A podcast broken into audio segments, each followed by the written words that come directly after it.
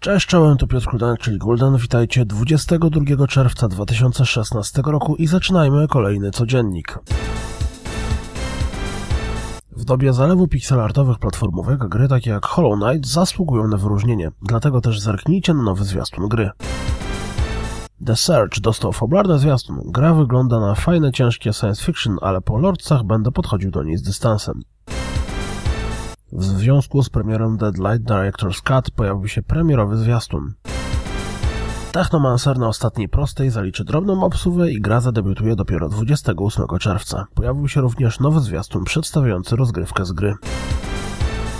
Ploteczki mówią, że Nintendo NX zostanie pokazane we wrześniu na Tokyo Games Show. W poniedziałek mówiłem o spodziewanej premierze Assemblance. Niestety europejska wersja gry na PlayStation 4 zaliczy niespodziewaną obsługę ze względu na brak przyznanej klasyfikacji wiekowej od PEGI. Hearts of Iron 4 sprzedał ponad 200 tysięcy kopii, a Stellaris ponad 500 tysięcy kopii. Jak widać rynek PC ma się dobrze.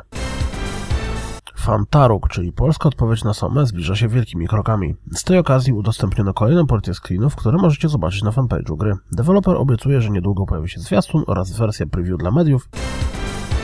Insomniac Games potwierdzi na Twitterze, że fragmenty Spidermana, które widzieliśmy na konferencji Sony, były pokazywane na zwykłej PlayStation 4.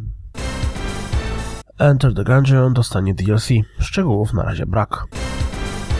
Ed Boon w wywiadzie stwierdził, że przy Injustice 2 zamierzają bardziej agresywnie podejść do sprzedaży DLC do gry, a ja myślałem, że wypluwanie co chwilę postaci do Mortal Kombat X było wystarczająco agresywne. Z nowego zwiastuna, czy też dziennika deweloperskiego dowiedzieliśmy się o zmianach, jakie cywilizacja szósta przyniesie w zarządzaniu miastem. Jeśli mocno wyczekujecie nowej mafii, to warto sprawdzić wywiad z leadwriterem gry. Battlezone VR zapowiedziane zostało rok temu na E3. Twórcy stworzyli całkiem interesujący filmik, który pokazuje, co zmieniło się w grze przez ten czas. To wszystko na dziś, jak zawsze dziękuję za słuchanie. Jak zawsze zapraszam na www.rozgrywkapodcast.pl. Jeśli doceniacie moją pracę, wesprzyjcie mnie na Patronite. Przepraszam za mój trochę zachrypnięty głos i mam nadzieję słyszymy się jutro. Cześć!